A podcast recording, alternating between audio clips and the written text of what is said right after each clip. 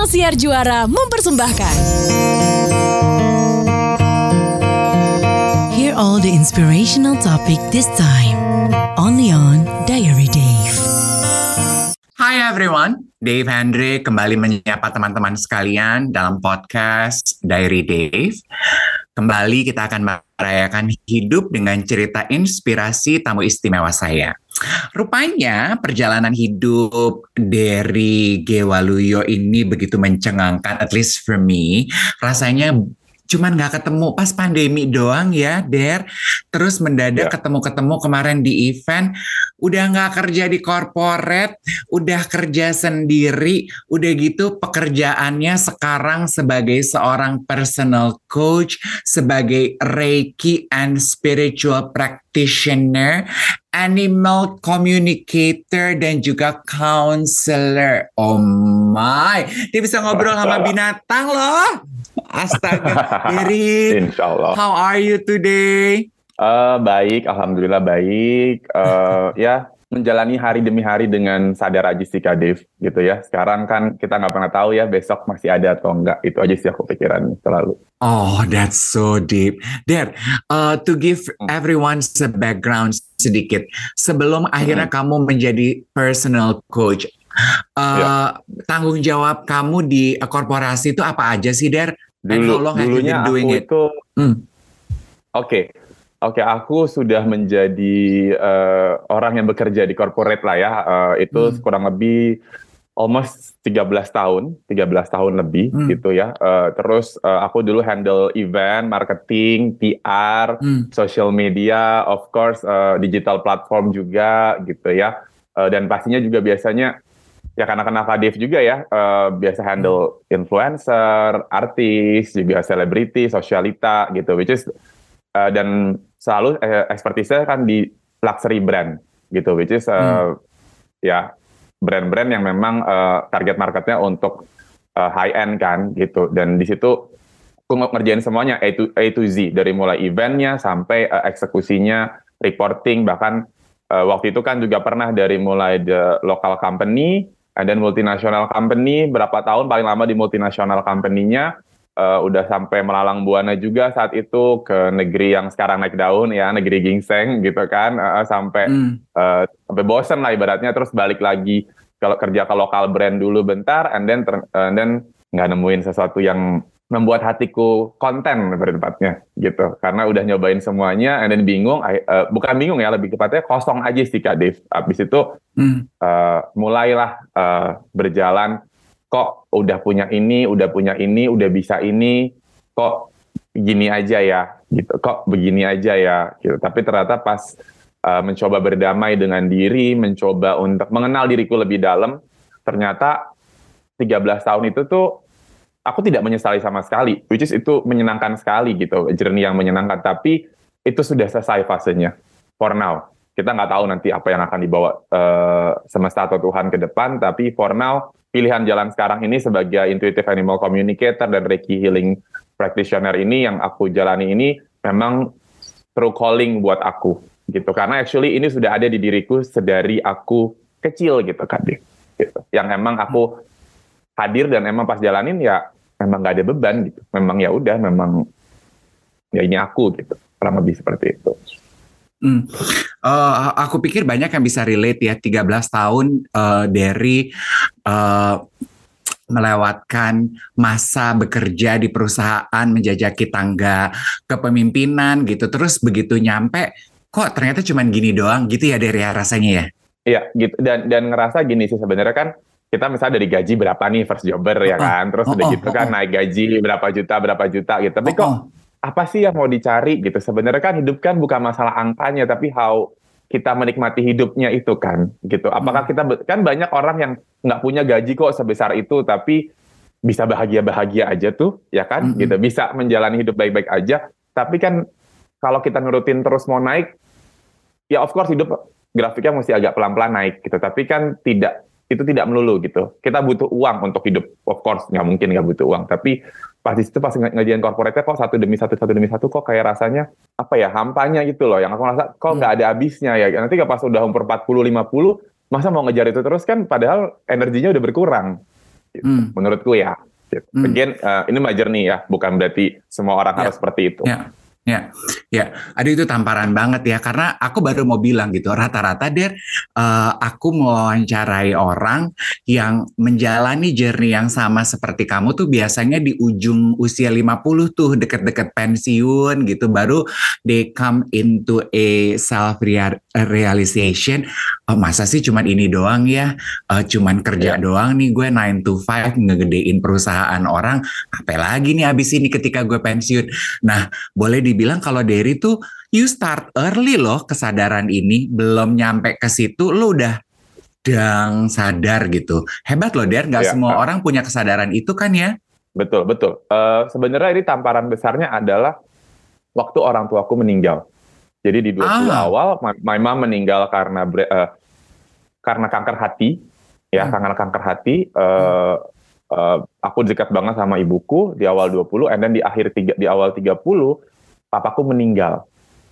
Itu Oh, tamparan besar buat hidup aku. Aku bekerja keras pun buat mereka dan bisa dibilang aku tuh menjadikan mereka tuh sebagai matahari di kehidupanku. hmm, Ibaratnya jadi pusatnya gitu. Hmm. Jadi once mereka udah nggak ada, kosong. Bingung mau Hmm. jadi diri yang kayak apa gitu. Hmm. Eh, ya itu tuh yang sebenarnya akhirnya hmm, mau ngapain ya gitu. Bingung segala macam. Akhirnya udah dah sejak itu mulailah akhirnya menyadari bahwa eh, aku harus memvalue diriku ya berdasarkan diriku sendiri aja yang kebutuhanku dan aku harus desain hidupku sesuai kemauanku. oke Eh, itu juga menarik ya Eh, kita kan kadang-kadang melakukan apa yang seperti Derry lakukan gitu menempatkan orang tua, pasangan, anak sebagai center dari kehidupan kita. Tapi kita lupa tuh seperti kata Derry tadi bahwa sebetulnya diri kita sebetulnya tetap menjadi pusat dari segala sesuatu yang kita lakukan gitu ya Der? Betul, betul. Harusnya seperti itu. Oke. Karena Nah. kebahagiaan orang tua kan bukan tanggung jawab kita sebenarnya. Mereka Hmm. punya kebahagiaan dan ekspektasi sendiri kan. Kita kan cuman menyokong lah ibaratnya. Hmm. Lalu gimana ceritanya bisa sampai kamu berkenalan dengan eh, Reiki dan menemukan panggilan sebagai spiritual practitioner? Oke, sebenarnya kalau hewannya sendiri itu eh, sederhana sekali.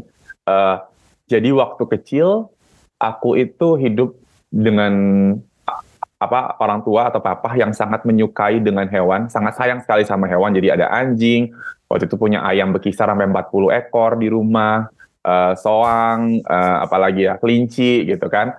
So aku tuh udah biasa eh, hidup tuh yang kayak di antara binatang lah gitu. Nah, Hmm. setelah itu eh, aku tuh sebenarnya my mom sama my dad tuh selalu kayak pergi mulu. Jadi aku tuh Hmm. datang mungkin gini ya, backgroundku tuh udah gak dari keluarga yang ideal. Ideal tuh maksudnya gini, bapak ibu menikah punya anak gitu. Enggak, aku tuh Hmm. papa pernah merit, mama pernah merit, and then it's quite complicated. Jadi aku tuh sendirian anak paling kecil dari perkawinan mereka. I have a step siblings banyak dan aku tapi jauh umurnya. Aku sendirian di rumah. So aku nggak punya teman cerita, Adif Hmm. aku nggak aku sendirian kesepian dari dari umur kecil kayak ya di- mereka memberikan aku kecukupan dengan segala macam akhirnya curhatnya sama siapa sama anjing di rumah sama kucing di rumah karena aku lebih sering ketemu mereka daripada ketemu manusia. Hmm. gitu. Akhirnya pas di situ tapi kan masalah namanya anak kecil kan of course sedih juga dong. Orang tuanya kok sibuk gitu segala macam akhirnya eh, peka juga lah sama hal-hal yang tanda kutip gitu ya. Eh, yang yang berbau eh, goib lah aku bisa bilang bahasa bahasa gampangnya. Tapi daripada itu lebih seringnya cerita sama hewan terutama kucing sama ayam-ayam di rumah nah udahlah jalan, sering berjalannya waktu kita udah lupa dong sama itu. Aku cuman tumbuh dewasa and then eh, selalu piara kucing jadi aku selalu curhat sama kucing. Aku tuh kalau ngomong sama hewan tuh ngobrol biasa tuh kayak ngomong sama anak kayak ngomong sama manusia. So aku nggak pernah melihat mereka tuh sebagai hewan. Aku melihat mereka Hmm. tuh sebagai ya sama aja kayak ngelihat kadep terus ngeliat sama ya bukannya aku nyamain manusia sama hewan ya, tapi for me mereka punya soul yang sama. Cuma mereka nggak punya akal budi aja.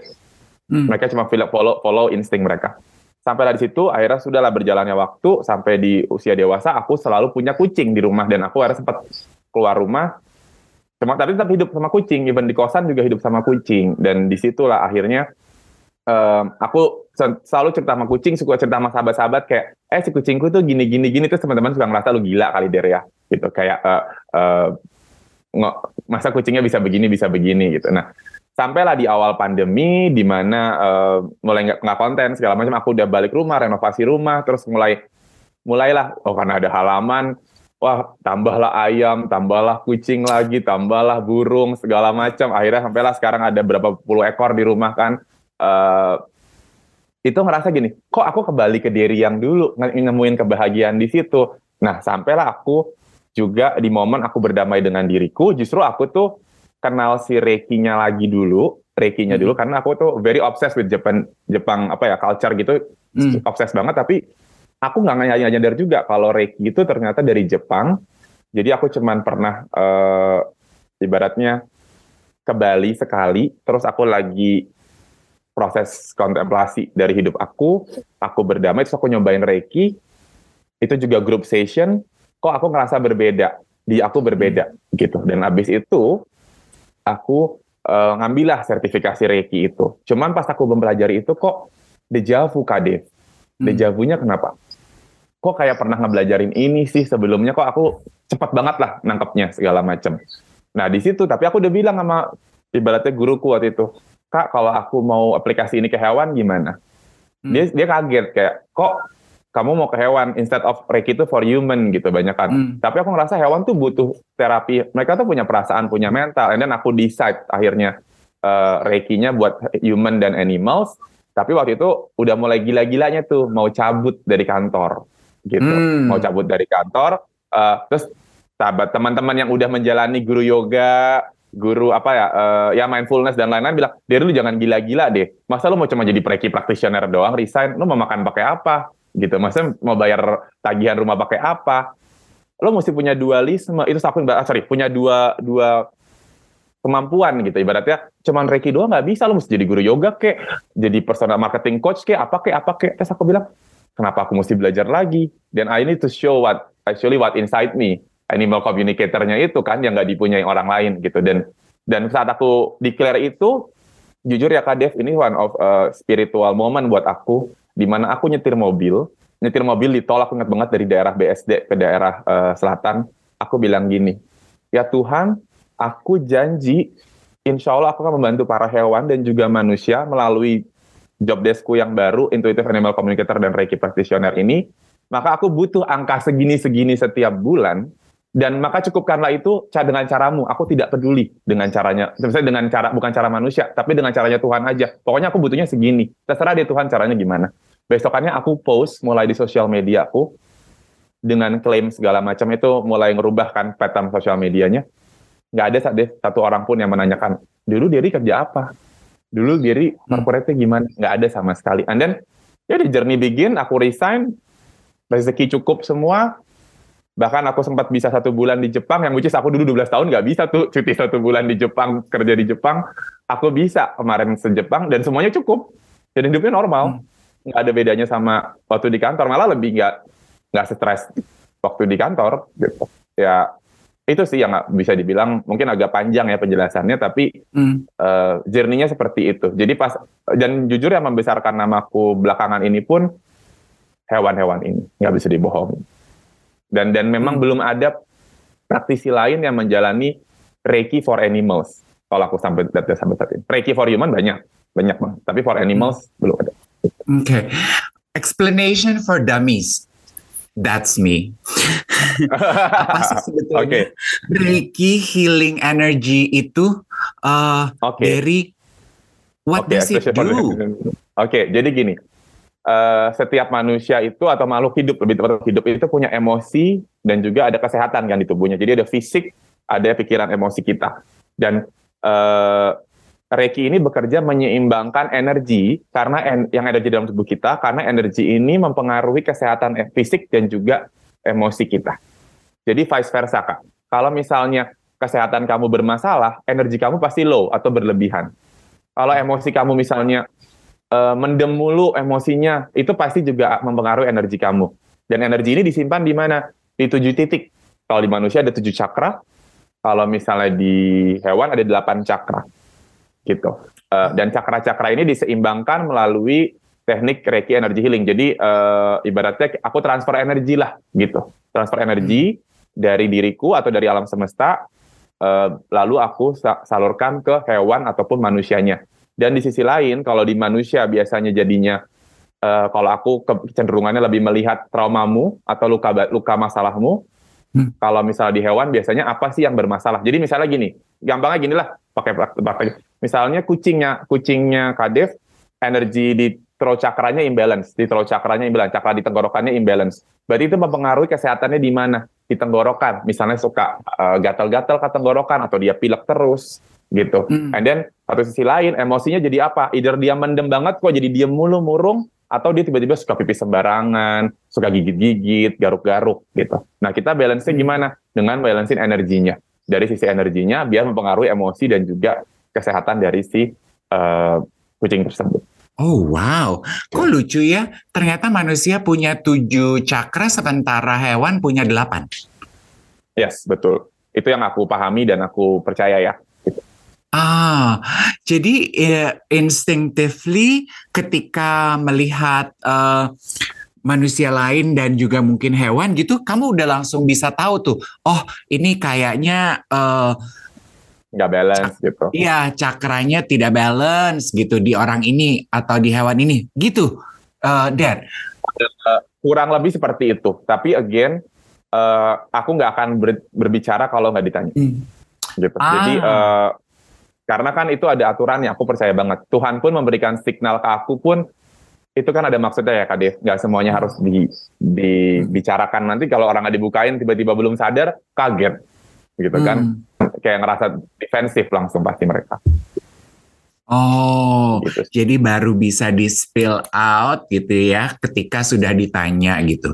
Jadi uh, uh, uh. sebetulnya medit apa ya praktis yang dilakukan oleh Derry itu uh, kalau boleh pilih you only have hmm. certain amount of hour in your day. Kamu yeah. lebih pilih melakukan uh. Uh, praktek ini kepada manusia atau kepada hewan? Kamu pilih? Hewan. Kenapa begitu? Karena emang udah panggilannya aja gitu ya Der no panggilannya satu ya. Dan kedua masih banyak orang yang masih fokus ke hewan. Kan lagi berlomba-lomba nih para praktisi yang baru. Jadi silakanlah ambil yang manusianya. Aku fokus ke hewan. Karena mereka butuh butuh banget perhatian loh. Sebenarnya tanpa disadari kita memperbaiki hewan atau makhluk hidup sekitar ini kita memperbaiki dunianya manusia juga loh nggak disadarin sih sebenarnya ah kok bisa begitu der what do you mean karena gini uh, sebenarnya what I believe dan aku jalanin dan uh, serta berkomunikasi sama mereka, mereka itu hadir di hidup kita tuh mereka yang milih loh Kadif. Dikirim Tuhan itu untuk mensupport hidup kita. Hmm. Jadi mereka tuh datang nggak semerta-merta anjingnya ada di rumah Kadif gitu. Terus tiba-tiba hmm. oh oh because aku mau piara papi, it's cute, hmm. lucu gitu. No. Dia mau ngajarin sesuatu ke manusianya. Kemelekatan mungkin hmm. atau mungkin kamu mesti lebih istirahat, lebih banyak waktu buat dirimu, mencintai dirimu sendiri. Hmm. Jadi sebenarnya itu mereka datang ke sini ada misinya, misi jiwa mereka apa? Sama halnya kayak sapi dikirim Tuhan ke dunia ini atau ayam. Kan kita makan ya, kita potong hmm. gitu. Hmm. Tapi memang mereka sudah tahu kodratnya ke arah sana karena mereka ber, berkembang biaknya gampang, mereka gampang uh, di apa dipelihara, di peternakan, dijadiin bisnis. Kan sebenarnya dari zaman dulu udah di udah di ditunjukkan bahwa hewan itu hadir di dunia ini tuh sebenarnya untuk mendukung kehidupan manusia di bumi ini. Cuma manusianya suka lupa. Coba nggak ada ayam di dunia ini, nggak ada sapi gitu. Mau makan apa? Hmm. Mau vegan semua? Vegan semua kan juga nggak bisa ya. Makhluk hidup hmm. juga. Hmm. Tetap dikirim Tuhan juga. Terus kalau nggak ada makhluk hidup lain selain cuma manusia, kita masa makan sesama manusia? Hmm, ya, yeah, true. Berarti your best advice untuk uh, teman-teman yang mendengarkan dari Dave kali ini Terus uh, pasti rata-rata yang tinggal di perkotaan kan sekarang punya hewan peliharaan di rumah, kucing, anjing, yada-yada ya. Uh, hmm. Gimana sih cara kita untuk bisa lebih sensitif untuk dapat uh, membaca bahasa komunikasi hewan peliharaan yang kita sayang ini loh gitu? Hmm. Oke, okay. paling mudahnya adalah dengan uh, duduk diam bersama mereka, perhatikan mereka tanpa menjudge tanpa berkomentar dulu satu hari aja. Hmm. Jadi apa pun yang uh, anjing, kucing ataupun hewan apa pun yang ada di rumah diperhatikan dulu aja. dan jangan sibuk main handphone lagi sama mereka. Jangan sibuk sambil uh, dengerin podcast, maaf ya, tapi Mm-mm. jangan sambil jadi pokoknya jangan disambi. Jangan ada distraction benar-benar- gitu ya. Ya, kesadaran, lihat mereka diam perhatikan karena nah, setelah itu kalian catat satu persatu. Oh, biasanya kalau pipis ke sini, kalau ini ngapain? Buat apa sih? Buat ngelatih kebiasaannya, buat ngelihat kebiasaannya dari hewan tersebut. Hmm. Setelah kita mengetahui kebiasaan mereka, terus Jadi kita lebih sadar sebenarnya. Pasti Hmm. akan lebih tersentuh harusnya. Karena kan manusia itu terbiasa ngejudge apa yang dilihat. Bener nggak? Ih, Hmm. Kadef biasa kayak gini nih tiap pagi tuh kalau ke kantor eh, misalnya ngambil kopi tuh pasti ke toilet Hmm. dulu beberes gitu. hmm, Tapi kan Iya, itu kan kebiasaan yang kita lihat secara mata. Tapi sebenarnya kita nggak bisa merasakan oh sebenarnya Kadef tuh butuh kopi karena dia ngantuk mungkin tadi malam ada apa segala Hmm. macem. So pattern itu yang mesti kita lihat dulu. Lebih peka, lebih sensitif dan coba dirasain karena udah banyak banget nih pe- yang miara hewan di di ibu kota nih terutama hanya mau diturutin sama hewannya tapi nggak mau ngeliatin hewannya secara personal. hmm. Intinya egonya mereka lagi. Cuma butuh teman main pas lo kesepian, pas lo capek aja gitu ya. Tapi hubungannya tidak eh, imersif gitu ya. Hmm. Iya, dan sering banget juga kayak aku punya anjing kok mau dipeluk kok dia nggak mau ya anjing yang itu. Gitu. Hmm. Kan sering kayak gitu tuh iri hati. Anjingku Hmm. eh, suka tuh ke kafe, kok anjingnya dia nggak suka ke kafe. Gitu. Padahal sebenarnya kan sama. Kadef mungkin ekstrovert, aku introvert. Gitu. Aku Hmm. mungkin nggak suka keluar rumah, si temanku suka. Kan anjing juga seperti itu, punya sifat eh, karakter dan juga kemauannya masing-masing. Hmm, oke. Eh, biasanya klien-kliennya Derry mulai reach out to you ketika mereka berhadapan dengan problem yang seperti apa aja sih berkenaan dengan hewan peliharaannya, Dar? Just to give a description of what you're doing. Oke, oke. Eh, biasanya satu mau tahu kenapa dia nggak mau makan. Ada masalah apa kalau nggak mau makan? Terus gimana di rumah bahagia atau enggak? Tapi yang paling sering, paling sering cinta nggak sama guardiannya. Masa Cinta nggak sama jadi sebenarnya manusia itu butuh afirmasi, butuh konfirmasi, tetap tetap minta di kayak eh, cinta nggak ya dia sama aku bahagia nggak di rumah. Jadi selalu ada, padahal kayak udah lima tahun, terus kayak dia bahagia nggak ya Mas Der sama aku gitu. Terus ya paling sisanya kayak yang big, big issue ya kayak mau operasi minta izin dulu, terus eh, misalnya ada yang nggak disukain nggak di rumah. Yang paling lucu lucu tapi menurutku kurang e- kurang etis adalah pacarku selingkuh nggak di rumah.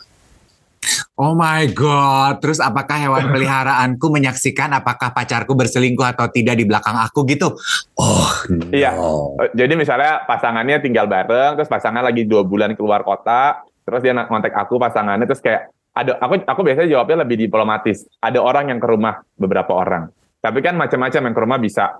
eh, walaupun kucingnya bilang jawaban sesungguhnya, tapi aku tidak bisa karena again nanti kan jadi berantem kan nggak semua orang langsung sepercaya itu juga. Jadi takutnya biasanya aku cuma jawab ya ada cowok ada cewek yang ke rumah biasanya umur segini segini kurang lebih nanti deskripsi aja kan bisa juga tukang air galon juga bisa ke rumah ya gitu Oh, oh. Ya. Ya kan nggak ada yang tahu gitu Oh. Kembali ke pertanyaan, apakah hewan peliharaan kita itu sayang sama kita guardiannya apa enggak? How do you know ketika mereka tuh sayang apa enggak? Padahal kan sebetulnya harusnya kan kelihatan ya. Maksud maksudku kita nih orang yang nggak ngerti-ngerti banget bahasa hewan gitu ya. Harusnya kelihatan nggak sih kalau kalau hewan peliharaannya emang cinta sama kita deh? kelihatan sebenarnya kerasa kerasa berasa tapi kalau aku tuh ngerasanya bukan dari behavior karena kan animal communicator itu bukan baca behaviornya kak kita baca energi Oh. dan intuisi gitu Oh. mungkin itu yang biar teman-teman di dari Dev paham juga ya bahwa aku berkomunikasi tidak melihat dari oh si kucing itu ekornya eh anjing itu gaya, gaya no jadi kita melihat dari eh, merasakan intuisinya karena kan sebenarnya sesama anjing hewan tuh kan mereka komunikasi tapi pakai telepati yang manu- frekuensinya tidak manusia tangkap gitu. Tapi apakah eh, anjing garuk-garuk means ada jamur? Hmm. Enggak juga. Bisa juga garuk-garuk cuman karena emang ya gak, pengen aja kayak Kadef benerin rambut gitu. Hmm. Nggak harus ada masalah kan sama rambutnya. Bisa aja Hmm. emang refleks terus selalu benerin rambut terus Hmm. gitu. Jadi eh, itu yang sebenarnya eh, dijelaskan soal komunikasi hewan ya. Dan kalau tadi bagaimana taunya? Biasanya hewannya melempar umpan balik ke aku. Jadi misalnya kalau komunikasinya kan aku biasanya eh kalau untuk ke klien ya aku benar-benar biasanya ta- tarik nafas dulu, merem dulu, terus aku bayangin hewannya di depan aku atau ada di dunia spiritual aku di di di kepalaku lah ibaratnya gitu.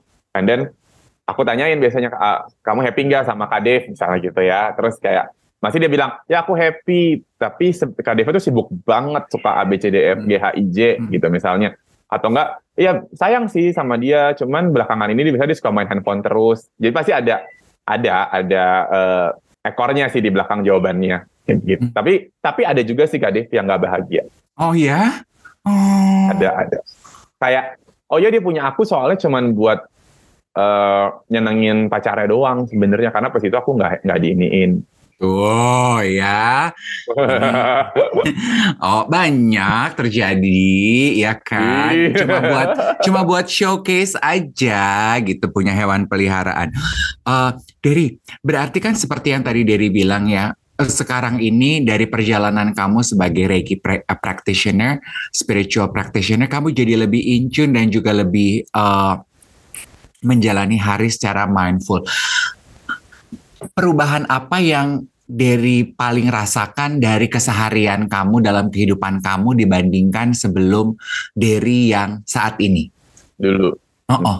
Em, percaya bahwa semua ada waktunya percaya bahwa eh, hidup itu harus ada polanya Kade kalau hidup nggak ada polanya bukan hidup menurut aku. Hmm. gitu. Lalu juga eh, waktunya selalu ada waktu yang tepat buat hidup kita. Itu sih aku lebih percaya itu aja. Dan Hmm. tidak ada salahnya selalu berbuat baik sama orang. Dan terakhir mungkin yang aku merasa beda adalah apa reaksi kita itu adalah proyeksi diri kita sendiri sebenarnya. Reaksi kita, apa yang kita tidak sukai itu sebenarnya proyeksi tentang diri kita sendiri. Wow. apa yang kita suka atau tidak suka itu proyeksi diri kita. Karena sebenarnya masalahnya jawabannya semua itu di diri kita. Nggak pernah ada di orang lain. Oke, jawaban dari semua masalah yang ada dalam hidup kita itu sebetulnya ada di diri kita sendiri gitu ya, Der. Cuman mungkin betul kadang kita terlalu sibuk untuk tidak mendengarkan semua jawaban dari pertanyaan yang hilir mudik di kepala kita. Eh, tadi Derry bilang bahwa ia akhirnya menyadari bahwa ada waktunya untuk segalanya dalam hidup. Berarti eh, aku pengen tahu pendapat kamu. Nggak sehat dong untuk punya keinginan dalam hidup, Der. Oh. What do you think? sehat nggak apa-apa nggak apa-apa tapi kan misalnya gini kita pengen punya rumah di Pondok Indah misalnya gitu ya sesimpel itu. Eh, misalnya kan anak-anak zaman sekarang kan gitu kan pengen punya ini pengen traveling it's okay. Tapi bener nggak yang kamu inginkan itu dari diri kamu? Bukan karena sosial sosial media atau bukan karena society? Itu satu. Hmm. make sure itu beneran yang kamu mau apakah itu? Dan tapi kedua apakah itu juga membuat kamu bahagia? Yakin? Hmm. Jangan menunggu kebahagiaanmu sampai dapat rumah di Pondok Indah atau mau traveling dulu. Gitu. Hmm. Oke, buat dapat achieve itu plan kamu apa? Menabung, misalnya Hmm. eh, kerja side job, apalah segala macam. Ya udah, tarik garis ke belakang. Hari ini ngapain tanggung jawabnya? Oke, hari ini aku kerja. Kerjalah dengan mindful. Besok istirahat, weekend main sama teman-teman. Gila-gilaan lah sama teman-teman. Make sure kamu spending waktu. Udah, udah atur aja waktunya sehari-hari. Tapi tiba-tiba misalnya nggak dapet apa yang diinginkan, pasti di tengah jalan kamu, tapi tidak kamu nggak buang-buang waktu gitu loh. Hmm. Kamu fokus sama satu hari satu hari aja. Satu hari kan kalau kita fokusnya cuma, oke aku mesti punya rumah di sana. Terus kita nggak ngerasa bahagia, kita pikirannya selalu ada di masa depan itu. Ya udah, nggak bahagia deh sampai sekarang, sampai nanti nggak dapet. Ya kalau dapet, kalau udah dipanggil Tuhan duluan gimana? Uh. Maksudnya Ya. lebih ke hidup saya day by day aja gitu kan kita ada planningnya pasti kan ada planning dan kalaupun nggak dapet kan percaya bahwa itu yang terbaik dari Tuhan. Kan orang mau dikasih di rumah di Senopati kok masih ngincernya Pondok Indah gitu sama Tuhan. Kan ya misalnya nggak? Bisa kan kayak gitu? Apa ternyata loh orang mau disiapin rumah di New Zealand masih mau di Pondok Indah aja Jakartanya udah polusinya udah begini gitu. Maksudnya kayak Ya. itu selalu jadi ma- wataknya manusia kan cuma setinggi langit eh cuma setinggi langit-langit rumah. Padahal rencana Tuhan tuh selalu lebih dari indah daripada itu. Ya, point well taken. Uh, tadi kan juga Derry bilang bahwa Derry tidak menye tidak menyesali perjalanan 13 tahun bekerja. Pengen tahu deh Ya. untuk menutup obrolan bersama Diary Dave kali ini. Apa what have you learned through that 13 years of journey? Jangan mudah terpengaruh oleh lingkungan dan semua orang yang, yang di- ada di sekelilingmu itu sebenarnya hanya etalase kehidupan dari manusia lain saja. Pertama Hmm. itu eh, jangan menjadi pingin menjadi orang lain. Lalu em, hidupmu sesungguhnya itu bukan di pekerjaanmu, tapi lebih ke dirimu dan tentang dirimu dan dirimu sendiri. Itu sih yang banyak aku belajar. Hmm. Dan jangan pernah menomorduakan dirimu. Uh, jadi kita harus tetap nomor satu, guys. Asik. Dari thank you so much. Kamu sudah mau membagi eh, cerita kehidupan kamu bersama kita di Diary Dave. Kalau teman-teman eh, ingin melanjutkan obrolan bersama Derry lebih dalam atau membutuhkan bantuan Derry untuk berbicara dan mengenali hewan-hewan kesayangan Anda yang menemani hari-hari Anda di rumah, slide Ya. To his direct message di Instagram. Nanti Derry akan eh, membalasnya. Gitu ya Derry ya. Betul, betul, betul sekali. Ya, bisa langsung DM aja. Paling gampang deh zaman sekarang mah DM DM-an itu udah sarana paling cepat. Der, thank you so much for today. Thank you banget Kak Dave, thank you banget, thank you for having me. Terima kasih untuk kesempatannya. Sehat-sehat selalu semuanya. Bye. Amin, amin, amin. Bye. Thank you for listening. See you on the next episode.